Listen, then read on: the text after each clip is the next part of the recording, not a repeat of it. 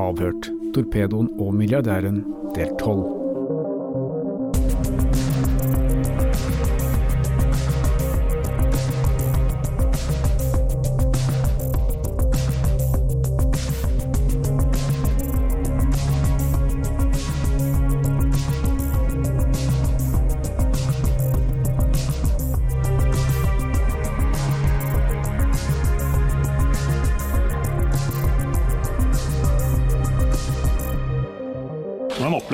sitte her i retten og forklare deg i dag? Nei, altså det er jo ikke like hyggelig å ha en ulveflokk som dere rundt meg, som stikker kamera i ryggen på meg og går rundt meg. Men dette var jo en del av det jeg la til grunn når jeg sa nei til å spille kort med, om til stillepenger med eh, Jannik Nilsen. Så det er bare sånn der. Ja, Vi hører jo her at eh, Røkke var jo ganske irritert over at han måtte komme i denne rettssaken, og ganske forbanna på pressen, egentlig. Hva tenkte du, Jannik, da du så han i retten? Nei, når jeg så han, For det første kan du takke deg sjøl for at han måtte inn i rettssaken. For det var jo han som hadde anmeldt meg sånn at vi havna i rettssaken. Ja. Så han har ingenting å være sur for. Det er punkt én. Og så når jeg så han komme inn der, så må jeg ærlig innrømme si at jeg aldri sett nesten mer neddopa mann som har kommet inn i rettssaken som han var. Som jeg følte. Jeg sier at den, ikke at han var neddopa, men jeg så ansiktsuttrykket og hele personen. Er, det var slående. Ja, så han sliten ut, da? Ja, han så ordentlig sliten ut. Så ut som han hadde gått på fylla i siste fem dagene. Altså. Mm. Snakket du med han? Nei. Jeg titta på han, og han titta på meg, og så tok han, tok han blikket vekk, og jeg titta på han. Jeg, bare- jeg stirra på han 24-7. Mm. Ja.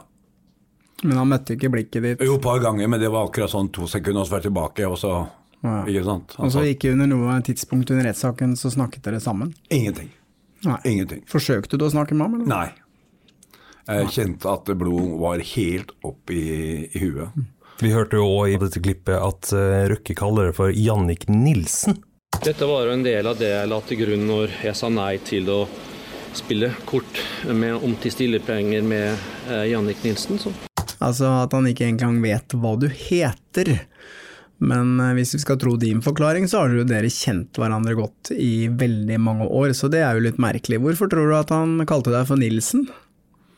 Nei, det har ikke, først har jeg ikke fått med meg det, men når dere sier det, så må jo at han prøver å holde seg, dis- distansere seg fra meg. Og late som han har minst mulig med meg å gjøre. Så det er kanskje et av hans nye skuespill. Jack Nicholson hadde ikke kommet i nærheten av Kjell Inge Røkkes skuespill. Eller så kan det ha vært en forsnakkelse. Han eh, hadde jo denne advokatsekretæren, eh, daglig lederen eh, i Andenes advokatfirma, advokatfirmaet, som han var veldig tett på i en periode. Ja, men Hun heter jo Nilsen. Hun heter jo Nilsen, det er Ja, riktig. så det kan jo bare ha vært en forsnakkelse. Selvfølgelig. Men det er jo litt sånn rart når du skal inn i en rettssak mot en som han påstår at du har truet han og drevet med utpressing, at du ikke engang vet hva utpresseren din heter. Det blei jo et skikkelig mediesirkus, Helge. Ja, og du Jannik var jo veldig på offensiven da i de dagene i retten der, og stilte opp for pressen og eh, delte dine tanker med de. Hva er ditt forhold til Kjell Inge Røkke nå? Jo, det er jo akkurat som du går skal i en boksering. Du sier hei og oppfører deg ordentlig, og så får vi ta den krigen som kommer, og så er det en vinner. Hva tenker du, Men, hva tenker du om han? i dag er det ingen vinner av oss. Hvordan blir det å se han i retten han kommer jo hvert øyeblikk? Bare hyggelig. Hvorfor, eller, hva legger du, hvorfor Jo, mener du for at tiden har jo gått, man blir jo eldre, man må jo se åssen situasjonen er. Håper er. du at de starter en eh, etterforskning på de påstandene du har kommet mot Røkke i dag? Det er ikke mitt problem. Hvordan har det vært å sitte her i dag, da? Veldig deilig. Det har vært en fantastisk opplevelse for at jeg kunne få si sannheten og, og legge fram mine Så Men Du har brent inne med dette noen år i så fall? Ja, og du kan tenke hvor mye krefter det tar. Ja. Så, men eh, det er ingen vinnere her. Jeg er ikke noe helgen, jeg er en gangster, jeg. Men jeg er en gangster med stor G. Har du trua Kjell Inge Røkke? Jeg har aldri trua Kjell Inge Røkke. Var det noen strategi der? At Nei, du, det var ikke noen strategi, for at jeg har aldri vært borti noe større sirkus i hele mitt liv. Nei? Og jeg var kanskje ikke den som kunne Var den som kunne beherske det så Så du, du hadde ikke noen medierådgiver, Nei, det, det kan jeg ærlig innrømme. Det, så alt du sa det kom rett fra hjertet? alt kom fra hjertet, og, jeg, og, og det er sånn jeg er. Så, men der også må jeg si der lærte jeg mye. Det, det blir ikke neste rettssak. Vi har jo eh, Kjell Inge Røkke var jo eh, i retten og forklarte seg. Vi har eh, sett litt nærmere på den forklaringen. Den, Den rettssaken her handla jo i veldig stor grad om troverdighet. Hvem kan man tro på? Og du ble jo Din forklaring trodde ikke retten på. Nei. Eh, Det som er interessant, vi kan jo se på hvordan Røkke forklarte seg.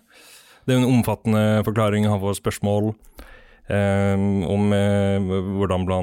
han ble kjent med, med, med det, Jannik. Og der eh, sier han jo at det var Orveland, Per Orveland, som eh, var hans kobling til Iversen. Han sier at eh, Iversen kom inn i eh, Røkke-familiens liv i 1995. Da hadde min ekskone funnet en ny livspartner, Per Orvland, men han distanserer seg fra personen Jannik og sier at det var hans ekskone, altså Kari, og sønnen som eh, indirekte hadde da kontakt med Jan Erik Iversen gjennom Per Orveland. Men, men Jannik, du har jo forklart at du var jo venn med Kari, så det var ikke noe indirekte kontakt, og du kjente jo Kari før Per. Ja, men jeg kjente, jeg kjente jo Kjell Inge før Kari òg. For Kjell Inge hadde jo en, en annen venn av oss som, som jobba i samme systemet. Så Kjell Inge kjente jeg Min venn var jo sammen med han ute og spiste middag. Vi havna jo, etter å ha vært ute på Teaterkaffen og spist eller noe, så havna vi på Lipp. Ja, og jeg var jo da ikke en del av det, men jeg, av og til så traff jeg jo både Kjell Inge og de, og de gutta der inne på Lipp. Det det ligger i det her, er at han uh, forsøker å distansere seg, det er i hvert fall sånn jeg tolker det, da, fra Jannik. Ja, hvis du skal liksom lese det han sa, så er det ikke noe tvil om at han, han ønsker jo da egentlig å få fram at han egentlig ikke kjente deg veldig godt. At han bare hadde litt sånn kontakt fordi at du hadde kontakt med ekskona hans og Per Orveland. Men det stemmer ikke, sier du, for du har jo snakket med han mange ganger før dette forholdet startet, eh, før du da ble kjent med Kari og Ja, ja, ja. ja. Så, men det er klart at det, det er jo hans måte å, distansere seg fra alle gangstere han har brukt i oppleggene sine. Så vi har et ordtak som heter 'bruk og kast'. Ja. Når vi skal bruke, så er vi bestekompiser, og når han er ferdig med det, og gutta har gjort jobben sin, så kaster de ut i elva. Ja, det var det sånn du opplevde at han gjorde med deg? Ja, jeg ikke bare opplevd meg, for pissa han på oss, skøyt i ryggen alle dager i uka. Det har jeg vært gjennom han. Hva står videre, Helge?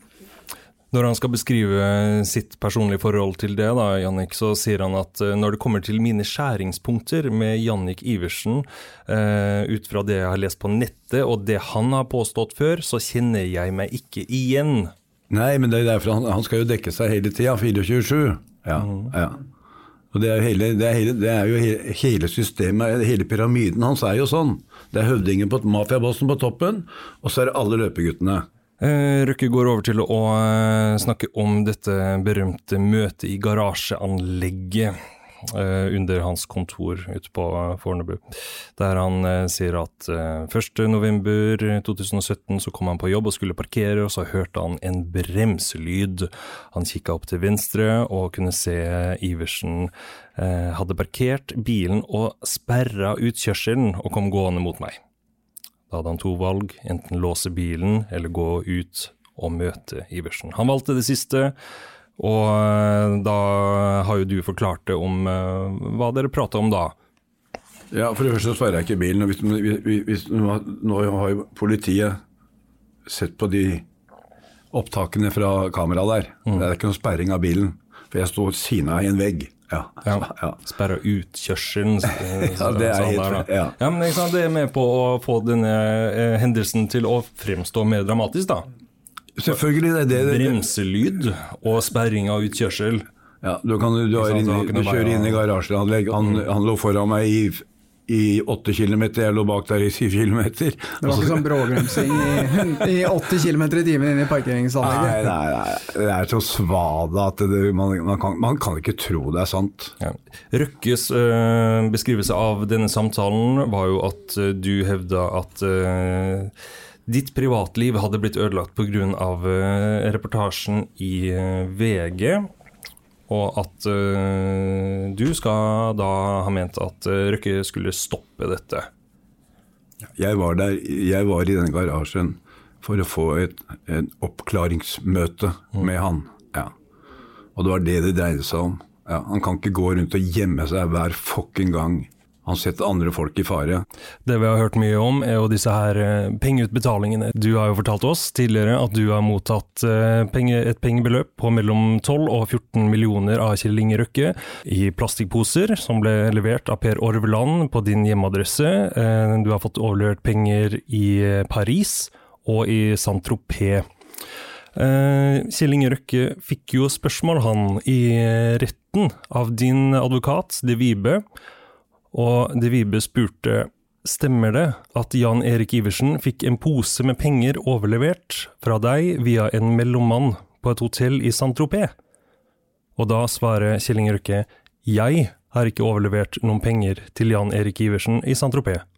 Og det som er rart her, er jo at eh, De Vibe spør om eh, Røkke har fått en mellommann til å levere penger eh, til Jannik Saint-Tropez, men han svarer jeg har ikke overlevert penger.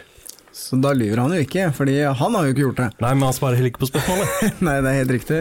Men da, da spør eh, De Vibe igjen, du har ikke gjort det noen gang.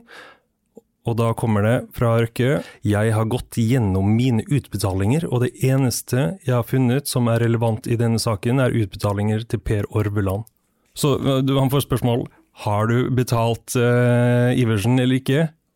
Ville du svart eh, da, Stein Morten, med at jeg har gått gjennom bankutskriftene mine, og jeg finner ingenting som tyder på det? Litt sånn eh, rart svar. Jeg vil jo tro at eh, hvis du har eh, betalt de summene til deg, eh, Jannik, så husker du det. Du trenger vel ikke å gå tilbake og sjekke kontoutskriften din. Og så er det interessant det at han får et spørsmål om han har foretatt disse utbetalingene via en mellommann, som du også forklarer.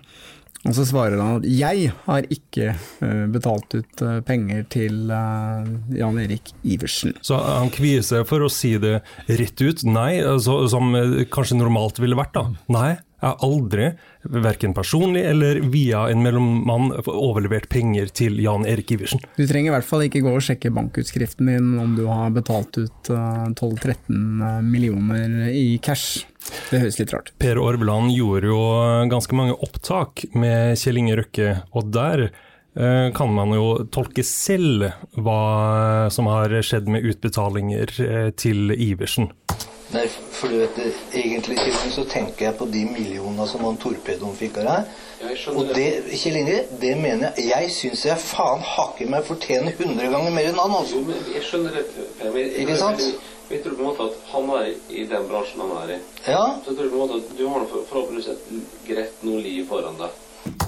Ikke sant? Det her er fra et møte på Røkkes kontor mellom Per Orveland og Kjell Inge Røkke, hvor eh, Per da gjør opptak av samtalen, og han sier at han tenker på de millionene som du, da, Kjell Inge Røkke, betalte til han torpedoen. Og da svarer Kjell Inge Røkke ja, jeg vet det, svarer han. Ja, han sier jo ikke Nei, hva snakker du om? Hæ, millioner? Jeg har ikke betalt noen millioner. Han sier jo bare ja, jeg vet det, og vi kan jo ikke oppfatte det på noen annen måte at han eh, bekrefter det Per sier, da. Jeg tror på en måte ikke eh, Han eh, og han og Som han sier, man har en tendens til å kikke til hva er det naboen har fått ut av det. Ja, det, jeg er helt enig med det. Ja, for eksempel, jeg, jeg føler at jeg fortjener minst mye mer enn det der. Og det er at jeg, jeg får på en måte ikke- nok uh, ut av det. Og, men, men, men, jeg, men jeg skjønner hva du, eh, hva du føler, Per. Jeg, Mhm. jeg, jeg, jeg skjønner hva du føler. Det er forskjell på en måte at jeg er enig i faktum, men jeg skjønner hva du føler. Og, og, når, og når man er ute og liksom at Ikke sant? Han sier eh, Per, du må ikke tenke på hva naboen har fått ut av det her.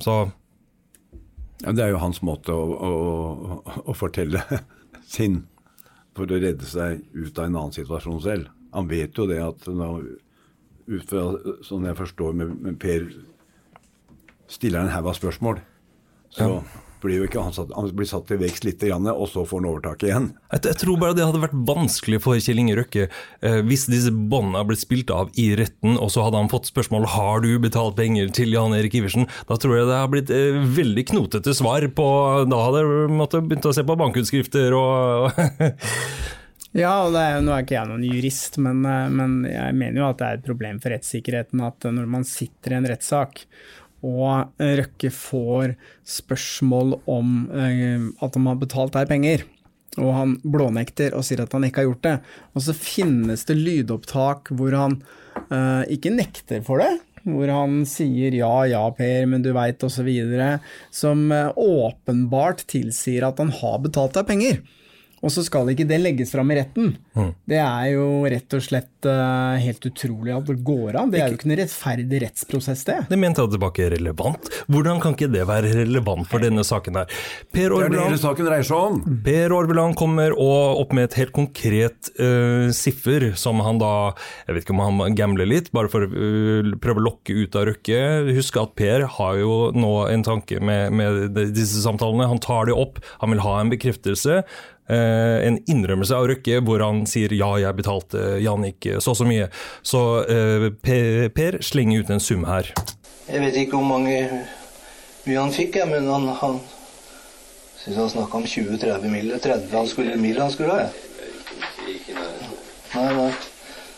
Så liksom, men det men det er viktig nå, Per, at du, at, du, at du ser på i summer. Det har vært, hvor mange er det som kan måte alle varer Dette er på en måte, Der ligger det over Det er en og en halv norsk netto årslønn, en og en kvart Mhm. årslønn som ligger der. Ja, Så Du blir blitt utslitt i år og, av stress rundt meg. Eh, Per sier jo at han uh, mener at han fortjener mer enn du, det du får. Hundre 100 ganger mer enn det, det denne torpedoen skal ha fått. Eh, mens da svarer Røkke at men denne torpedoen er jo i den bransjen han er i. Og, og, og, og snakke det liksom bort. Hvorfor skal han begynne å prate om det igjen? Hvorfor sier han ikke Per Orveland, hva er det du står her inne i mitt kontor og beskylder meg for? Har du blitt riv ruskende gal? Det er jo kanskje det som ville vært en naturlig respons, når noen sier jeg tenker på alle de millionene du betalte til han torpedoen. Hvis jeg ikke har betalt noen millioner til en torpedo, så ville jeg jo sagt hæ, hva er det du prater om? Kom deg ut av mitt kontor. Men jeg gjør ikke det. Stort foretak å drive her. Per Orveland hevder jo at uh, han hadde en avtale med Killing Røkke om å få en god del av hans øh, formue for å hjelpe han med et lån som han var helt avhengig av uh, for å få forretningen sin til å gå rundt. Uh, og det hevder Per at han gjorde, og at dette redda bedriften til Røkke. Og ønska å få det som han hadde blitt lovt. Eh, og det var da Per uh, oppdaga at uh, det kom kanskje ikke til å skje likevel. Det var da han begynte å gjøre disse her opptakene. Ja, hva tenker du når du hører det, det opptaket her da, Jannik? Fordi det virker jo nesten som om eh, Hvis jeg skal tolke dette, da, har- da hadde du truet Røkke på noe tidspunkt da, eller? Jeg har aldri trua Røkke på noe. Ja, for det høres nesten sånn ut. Altså, Ja, men hva- hva- disse torpedoene er snakk om deg, går jeg ut fra? Dette handler bare om meg. Ja. Kjenner du til om eh, Kjell Inge Røkke hadde noe involvering med noen andre som kan eh, betegnes som torpedoer? Nei, ikke som jeg kjenner til. Men jeg, ut fra det båndopptaket Christer Tomsdalen kom med, så virker det som han har hatt mange blekkspruter ute i gatene. Bare for å understreke, da, så er jo de opptakene her eh, tre år etter de skuddene ble avfyrt eh, i den bilen. Eh, så det, de her er fra 2008 og har altså ingenting med disse eh, publiseringene i VG og den seneste rettssaken. Alt det her av opptak mellom Per Orveland og Kjell Inge Røkke, det stammer fra eh, tidsperioden eh, sent 1990-tallet og frem til eh, da opptakene gjort i 2008. Og så kan jeg jo gi et annet som ingen, vet ennå, som jeg kan komme fram med nå. At hvis politiet hadde vært interessert i meg og tatt meg inn til avhør, så skulle du fått et bevis som du kunne sjekka enkelt og greit. Hva er det beviset? Det, de kunne gå på Majorstua postkontor og se hvor mye euro jeg har veksla inn der. Ok. Og ja, så du tok alle disse euroene og veksla det på Majorstua postkontor? Jeg tok mye euro og veksla på Majorstua postkontor. Stilte de noen spørsmål eh, om hvor disse pengene kom inn? Nei, for de vet at jeg er en, gambler. Så jeg hadde jo mye penger hver gang til da. Så Ja. Så hvor mye vil du anslå at du har ja, veksla det er på? vanskelig å si. Det, det, det har jeg ikke noe formening om. En million? Nei, det har jeg ikke formening om. Så Men du gikk jevnt og trutt med 500 euro-sedler og Ja, veksla inn på. Majorstua til norske kroner. Ja. Fortalte du om det i retten? Nei. Jeg, ikke noe for, for jeg, jeg visste at jeg var kjørt i retten. Det var derfor at jeg trodde jeg skulle få komme opp i lagmannsretten. Og det forkasta dem. Og da var jo jeg sjanseløs. Og til og med i dag er ikke politiet interessert. Men jeg forstår ikke helt den strategien. Hvorfor, vente, hvorfor ville du vente til lagmannsretten og ikke bare ta det i tingretten? Nei, det var veldig enkelt. For at jeg ville ha de, alle de som var der inne, til å stå der og ljuge. De visste hva, som var sant. Og du skulle ta dem i løgn, hele gjengen? Hele gjengen, Du skulle få dem til å lyve gjennom hele tingrettssaken, Mm. og så skulle du Knerte dra ned buksene på dem i lagmannsretten? Helt var det korrekt. planen? Helt korrekt. Ja. Så hvis jeg får den i lagmannsretten, så kommer de buksene til å gå fortere. Da tror jeg den, den, Når de pissa i buksa i, i tingretten, og trømmeskålene blir varme, så er den i hvert fall kald neste gang. Det garanterer jeg. Men hvorfor tror du at anken din ble avvist, da? For hele systemet er korrupt. Hva skal de beskytte meg for? Istedenfor en mann som har 30 000-40 000 ansatte og skal skaffe arbeidsplasser til både innen olje, gass og det grønne. Det er klart at de som vil ta vare på han, det skulle bare mangle. Mm. Så for meg er Kjell Inge Røkke et geni. Han har klart å ha gjort akkurat det han kunne, som var hele planen. Han har han klart å ha fått gjennom på 20 år. Fantastisk. Den største pengeoverleveringen fant sted i Paris. Da fikk du rundt 900. 900 870 000 euro. Ja. Eh, Vi har jo hatt en person inne her tidligere, som var den personen som du fikk til å komme til Paris og frakte disse pengene til Norge. En del av dem, ja. Og han fortalte oss jo at han hadde tatt et bilde av disse her pengene. Han hadde stabla de på spisebordet sitt og, og tatt et bilde. Men uh, det bildet var jo borte for lengst. Uh, tok du noe bilde av disse kontantene på noe tidspunkt? For meg hele tiden er å ikke legge spor etter meg. Ja. Hadde jeg lagt spor etter meg, så hadde Kjell Inge Røkke sittet inne i dag.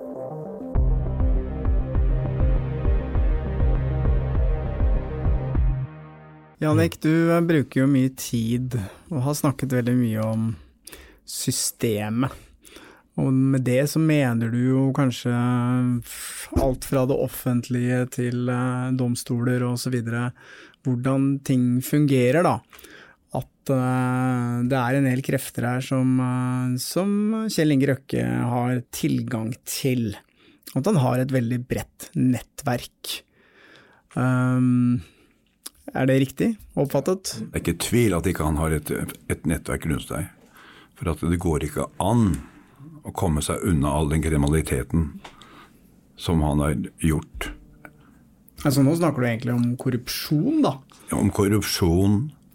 Hele, hele nettverket hans er bygd opp. Det er høvding på toppen, og så er det pyramiden nedover.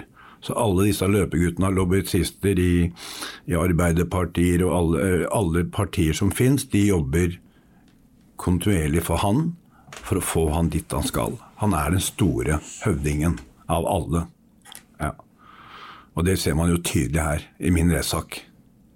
Ja. Og du, ikke, du ser ikke bare i min rettssak, du ser det bare når Erling Grimstad har fortalt sin historie. Ja, vi hadde jo Erling Grimstad inne her og gjorde podkastopptak med han, men da var han ikke så veldig villig til å snakke om akkurat den hendelsen med Røkke. Men han sto jo fram i Dagbladet onsdag 2. mai 2018, og da sa han blant annet at eh, Innringeren presenterte seg som Kjell Inge Røkke. Jeg gjenkjente stemmen hans og var aldri i tvil om hvem jeg snakket med. Husk på at Erling Grimstad den gangen var da førstestatsadvokat i Økokrim, så han hadde jo en ganske hva skal jeg si for en rolle hvor han eh, hadde muligheten til å gå etter uh, f.eks. Kjell Inge Røkke. Og Røkke skjelte meg ut i flere minutter og fortalte at han skulle bruke resten av sitt liv og alle ressursene han rådet over til å ta meg. Det var essensen i budskapet fra Røkke, sier han. Det eneste jeg husker at jeg svarte, var at jeg oppfattet det som han truet meg, uten at det endret tonen hans eller innholdet i samtalen, sier han. Som tidligere politibetjent, etterforsker og første statsadvokat hadde han blitt utsatt for en rekke trusler i jobben, men forteller at han aldri tidligere hadde blitt alvorlig redd i tjenesten. Jeg ble alvorlig redd av de truslene som ble fremsatt på telefonen fra Kjell Inge Røkke. Jeg så på meg selv som en relativt robust, men måten truslene ble fremsatt på, av en av landets mektigste næringslivsledere, og i den sammenhengen truslene kom, skapte en frykt som jeg bar med meg i uker, måneder og år. Det gjorde noe med min egen livskvalitet i flere år, sier han. Ja, det er jo ganske drøyt at uh, Kjell Ingrek ringer og fremsetter så grove trusler da, mot uh, en politimann. Ja, og da kan du tenke deg at dette er en politimann som, er, som, som du refererer til, en, jobber i et embete som heter Økokrim. Og han har ingen skrupler på å ikke gjøre det, å gjøre det han gjør. Det er ingen som stopper han. Det er ingen som Nei, for det har jo ikke fått noen konsekvenser. Ingen konsekvenser for noen ting. Nei, ingenting. Og så sier, jo, uh, sier jo Grimstad videre at etter oppringning fra Røkke, sier Grimstad at han skrev et notat til en enhet i Oslo-politiet for, for, å få vurdert sin egen sikkerhet. Ifølge Grimstad var den muntlige tilbakemeldingen derfra at trusselen var alvorlig, at den ikke gikk ut på tid. Rådet han fikk, var å be om politibeskyttelse. Ja, tenk på det. Til en egen, til en egen eh, eh, instans får han beskjed om at han trenger politibeskyttelse, istedenfor at de tar Røkke inn til avhør. Ja, det er jo ganske ja. Så hvis ikke det nettverket til Røkke er sterkt nok, så vet ikke jeg hvor sterkt nettverkene skal være. Ja. ja. Videre så sier han jo at under etterforskningen hevder Grimstad at han også ble utsatt for såkalte drittpakker, som ifølge Grimstad skulle svekke min troverdighet og integritet. Han ønsker ikke å utdype eller konkretisere dette.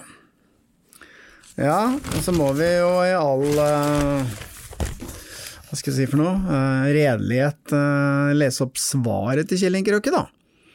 For han har selvfølgelig fått tilsvar i denne artikkelen, og da han at, sier han at det er korrekt at Kjell Inge Røkke ringte til Erling Grimstad og skjelte ham ut.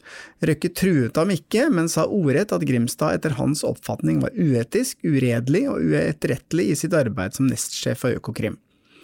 Røkke hadde ingen respekt for Grimstad, og han nølte ikke med uttrykk for dette, svarer advokat Jon Christian Elden på vegne av sin klient Kjell Inge Røkke. Røkke var av den klare oppfatning at Grimstad sto ansvarlig for de falske korrupsjonsanklagene mot Tore Tønne, samt lekkasjene av disse til media. Anklager som etterforskningen avklarte var uriktige, men som fikk et tragisk utfall, fortsetter han. At dette 15 år etter ble framstilt som trusler som har sammenheng med at han sluttet i Økokrim, er meningsløst. Grimstad sluttet i Økokrim etter at han ble siktet av førstestatsadvokat Lasse Kvikstad for tjenestefeil i Krekar-saken i 2004, og ikke etter Tønne-saken noen år tidligere. Røkke har ikke brukt en kalori etter telefonsamtalen på å gå etter Grimstad, hvilket vel er det beste beviset for at påstanden bare er en erindringsforskyvning, avslutter Røkkes advokat. Erindringsforskyvning, Helge, den har vi hørt borte før. før. Det har vi hørt før. Den er ganske morsom. det er Eldens eh, favorittbegrep, tror jeg. ja. Nei, men det sier jo eh, ganske mye at en, eh, en første statsadvokat i Økokrim Eh, går ut med sånne påstander, og, det er jo ganske grovt. Så eh, det underbygger på mange måter litt av det du sier, da, Jannik, om at han kvier seg ikke for å, for å, å, gå etter hvem som helst. Det som er skremmende her, er at mannen har vært redd i 15 år før han går ut i, i Dagbladet og forteller den historien. Ja. Mm. Det sier nok. Nå må folk få øya opp. Nå må det nettverket til Røkke få en etterforskning, en gransking. Fra bånn og oppover. Ja. Og se åssen det fungerer. Ja. For hvis det er sånn at dynasti Røkke skal ha den makta og de pengene som rår, så kommer dette i generasjoner til å bli bare verre og verre og verre. For hans barn, hans barnebarn, de blir ikke noe bedre. Ja. Og vi er et lite land som Norge med fem millioner mennesker. Ja. Og han er is the king.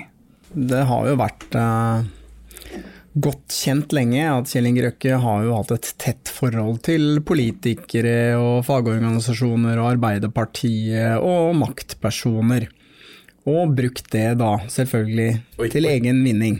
Jeg tror jo at uh, det er nesten håpløst å få til det Røkke har fått til, hvis ikke du har god støtte da fra politikere og sentrale personer i embetsverk osv. Og, så og uh, vi har jo et klipp her som uh, ja, vi kan høre at eh, det har ikke vært helt enkelt heller, den balansegangen der for Røkke.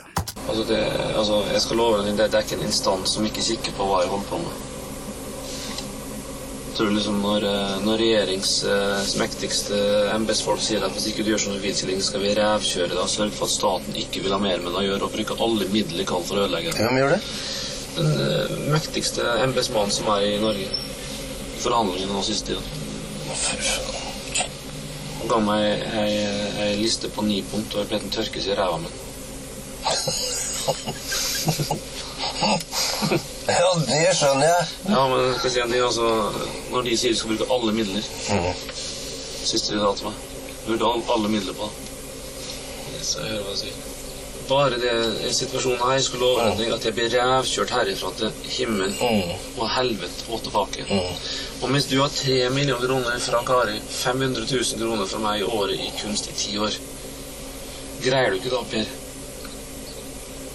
Det er, eh, det er ikke dårlig betalt. Ja, vi hører jo her at Røkke skal ha vært i en eh, prat med Norges mektigste embetsmann, som han sier, som eh, da følger med på det han gjør, og sier at han kan rævkjøre Røkke. Og vi aner jo ikke hvilken sammenheng den, dette skal ha blitt sagt, men det gir oss jo følelsen av at de følger veldig nøye med på han, og når du velger de orda der som Røkke uh, sier til Per, så har det jo vært noe de kanskje har lagt merke til, da, eller avslørt? Ja, hvorfor skal du si noe sånt hvis uh, personen du snakker med er helt uskyldsren og ikke har gjort noen verdens ting? Det høres litt rart ut. Så uten at vi skal uh, tolke dette her, så kan vi i hvert fall stille spørsmål ved hva er grunnen til at Norges mektigste embetsmann sier disse tingene og kommer med en sånn kravliste til Røkke?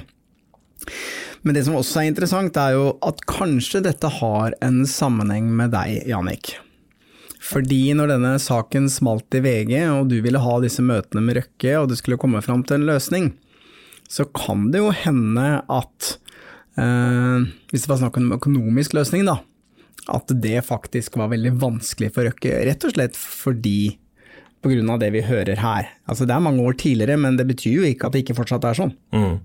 Hvis de legger merke til noen uh, uregelmessigheter i hans transaksjoner, f.eks. Og hvis ikke jeg husker helt feil, Jannik, så i et av de møtene du hadde med Røkke, så tok han jo egentlig opp dette selv. Han snakket om disse dressene sine og den momsen. Kan ikke du ta det en gang til? Jo, når vi hadde første, første møte med oss Jon Christian Ellen, og han hadde eh, sagt at Janni, vi skal komme til en løsning.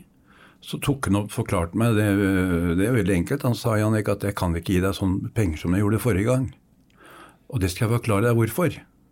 For at eh, jeg hadde bestilt, noe, jeg hadde bestilt noen dresser i London, og dem tok jeg inn. Plutselig ringte tollsjefen meg og, og, spurte hva jeg hadde betalt for de dressene.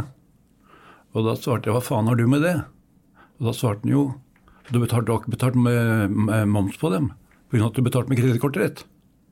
Derfor følger du med meg, Jan Iksan. Men tror du at uh, grunnen til at det endret seg fra å finne en løsning til å, å, at du da blir arrestert, uh, kan være akkurat disse tingene her, at han da tenker at uh, det er ikke mulig for meg å betale Jannik masse penger i cash for å finne en løsning, så det er nesten bedre å anmelde? Ja, Det er den dårligste tanken han har. Jo, jo, men at det er en dårlig tanke, men tror du det er noe i det, eller er det Nei, det tror jeg ikke er noe i det. Nei. For det han, det, han, gjør når han går, går tilbake fra første møte, så begynner han å tenke, så snakker han med samme nettverket som han hadde den gangen for å få tak i de bånda til Birger Nilsen. Han snakker med haug av folk, og da får sannsynlig, sånn som jeg tolker Han har fått folk da til å ha sagt nei, du kan ikke gjøre det med Jannik nå, for at hvis du gjør det, så kanskje han kommer tilbake og kommer tilbake. En eller annen sånn dum fucken tankegang. Ja. Mm. Så er, okay. der tror jeg det ligger. Mm. Men du sier jo hele tiden at ditt, uh, din mening med å få til disse møtene var å ha en gutteprat og, og skvære opp oppklaringsmøter osv. Men, uh, men, uh, men hadde du, i hvert fall etter det første møtet for å si finne en løsning, hadde du liksom et håp om at du skulle få en del penger ut av det? Ikke, ikke i nærheten av staten eh, i starten, for det, eh, det var ikke poenget. Det eneste jeg ville ha et møte med, som Holden forklarte meg, at vi skulle ha et møte i august. Det var i orden eh, i slutten av august. Det kom ikke noe til, som dere vet, gjennom det ene og det andre. Så ville jeg ha et møte, et møte med han for et oppklaringsmøte. Han måtte stå til ansvar selv for de orda som, han- som var kommet ut. Og da var det ikke snakk om penger for din del? Ikke snakk om penger i det hele tatt. Så det, ble det det etter at han sa 'finne en løsning for Jannik'? da vet jeg jo da at det er snakk om penger. Ok, Så da tenkte du ok, nå ønsker han å betale meg. Ja, nå vil han komme. Og du var happy med det? Selvfølgelig er jeg happy med det. For da tenker du at det er en form for oppreisning? Det er i hvert fall, en- eh, at vi, vi kommer til et forlik. Ja, ok. Mm, Så det endret seg fra å eh, Nå må du forklare hva du har gjort. Han sier eh, 'finne en løsning for Jannik'. Ok, han ønsker også å betale og få et forlik. Greit nok. Ja. Det var sånn du tenkte. Helt riktig. Ok, men helt til slutt, eh, Jannik. Takk for at du tok turen innom igjen. Men jeg lurer bare på en ting, og det er du har blitt dømt, og du har sonet ferdig straffen din, så du er en fri mann nå. Ja. Så så egentlig så burde du vært ferdig med dette her. Hvorfor bare legger du ikke dette her dødt og lever livet videre og glemmer Røkke? Nå er det sånn at uh, dette har holdt på siden 2015. Jeg har jobba alt mulig for ikke å komme i den situasjonen som vi har kommet i. Og når han tok og la inn den falske anmeldelsen på meg, som han vet ikke stemmer, så kan ikke jeg leve med det. Hver dag jeg står opp, så jeg kjenner at det river i hele kroppen min på urettferdighet. Jeg sona ett års fengsel. Hele Norge veit hvem jeg er. Hadde jeg kanskje vært helt aleine, så hadde jeg gjort mye tøffere ting. Men jeg har en familie som har Jeg kjenner Jeg har en familie som har vært gjennom et smertehelvete. Mm. For han skrupelløsitet sammen med de som sto i retten og viste samme skruppelløshet når de vet sannheten. Jeg kommer aldri til å gi meg før han står i tittelboksen. Ferdig snakka. Alle dager i uka. Avhørt er produsert av Batong Media, og all musikk er laget av Georg Roås. For å komme i kontakt med oss, gå inn på Facebook-siden Batong Media. Hvis du vil høre flere eksklusive episoder av Avhørt, så gå inn på podmy.no, eller last ned appen Podme.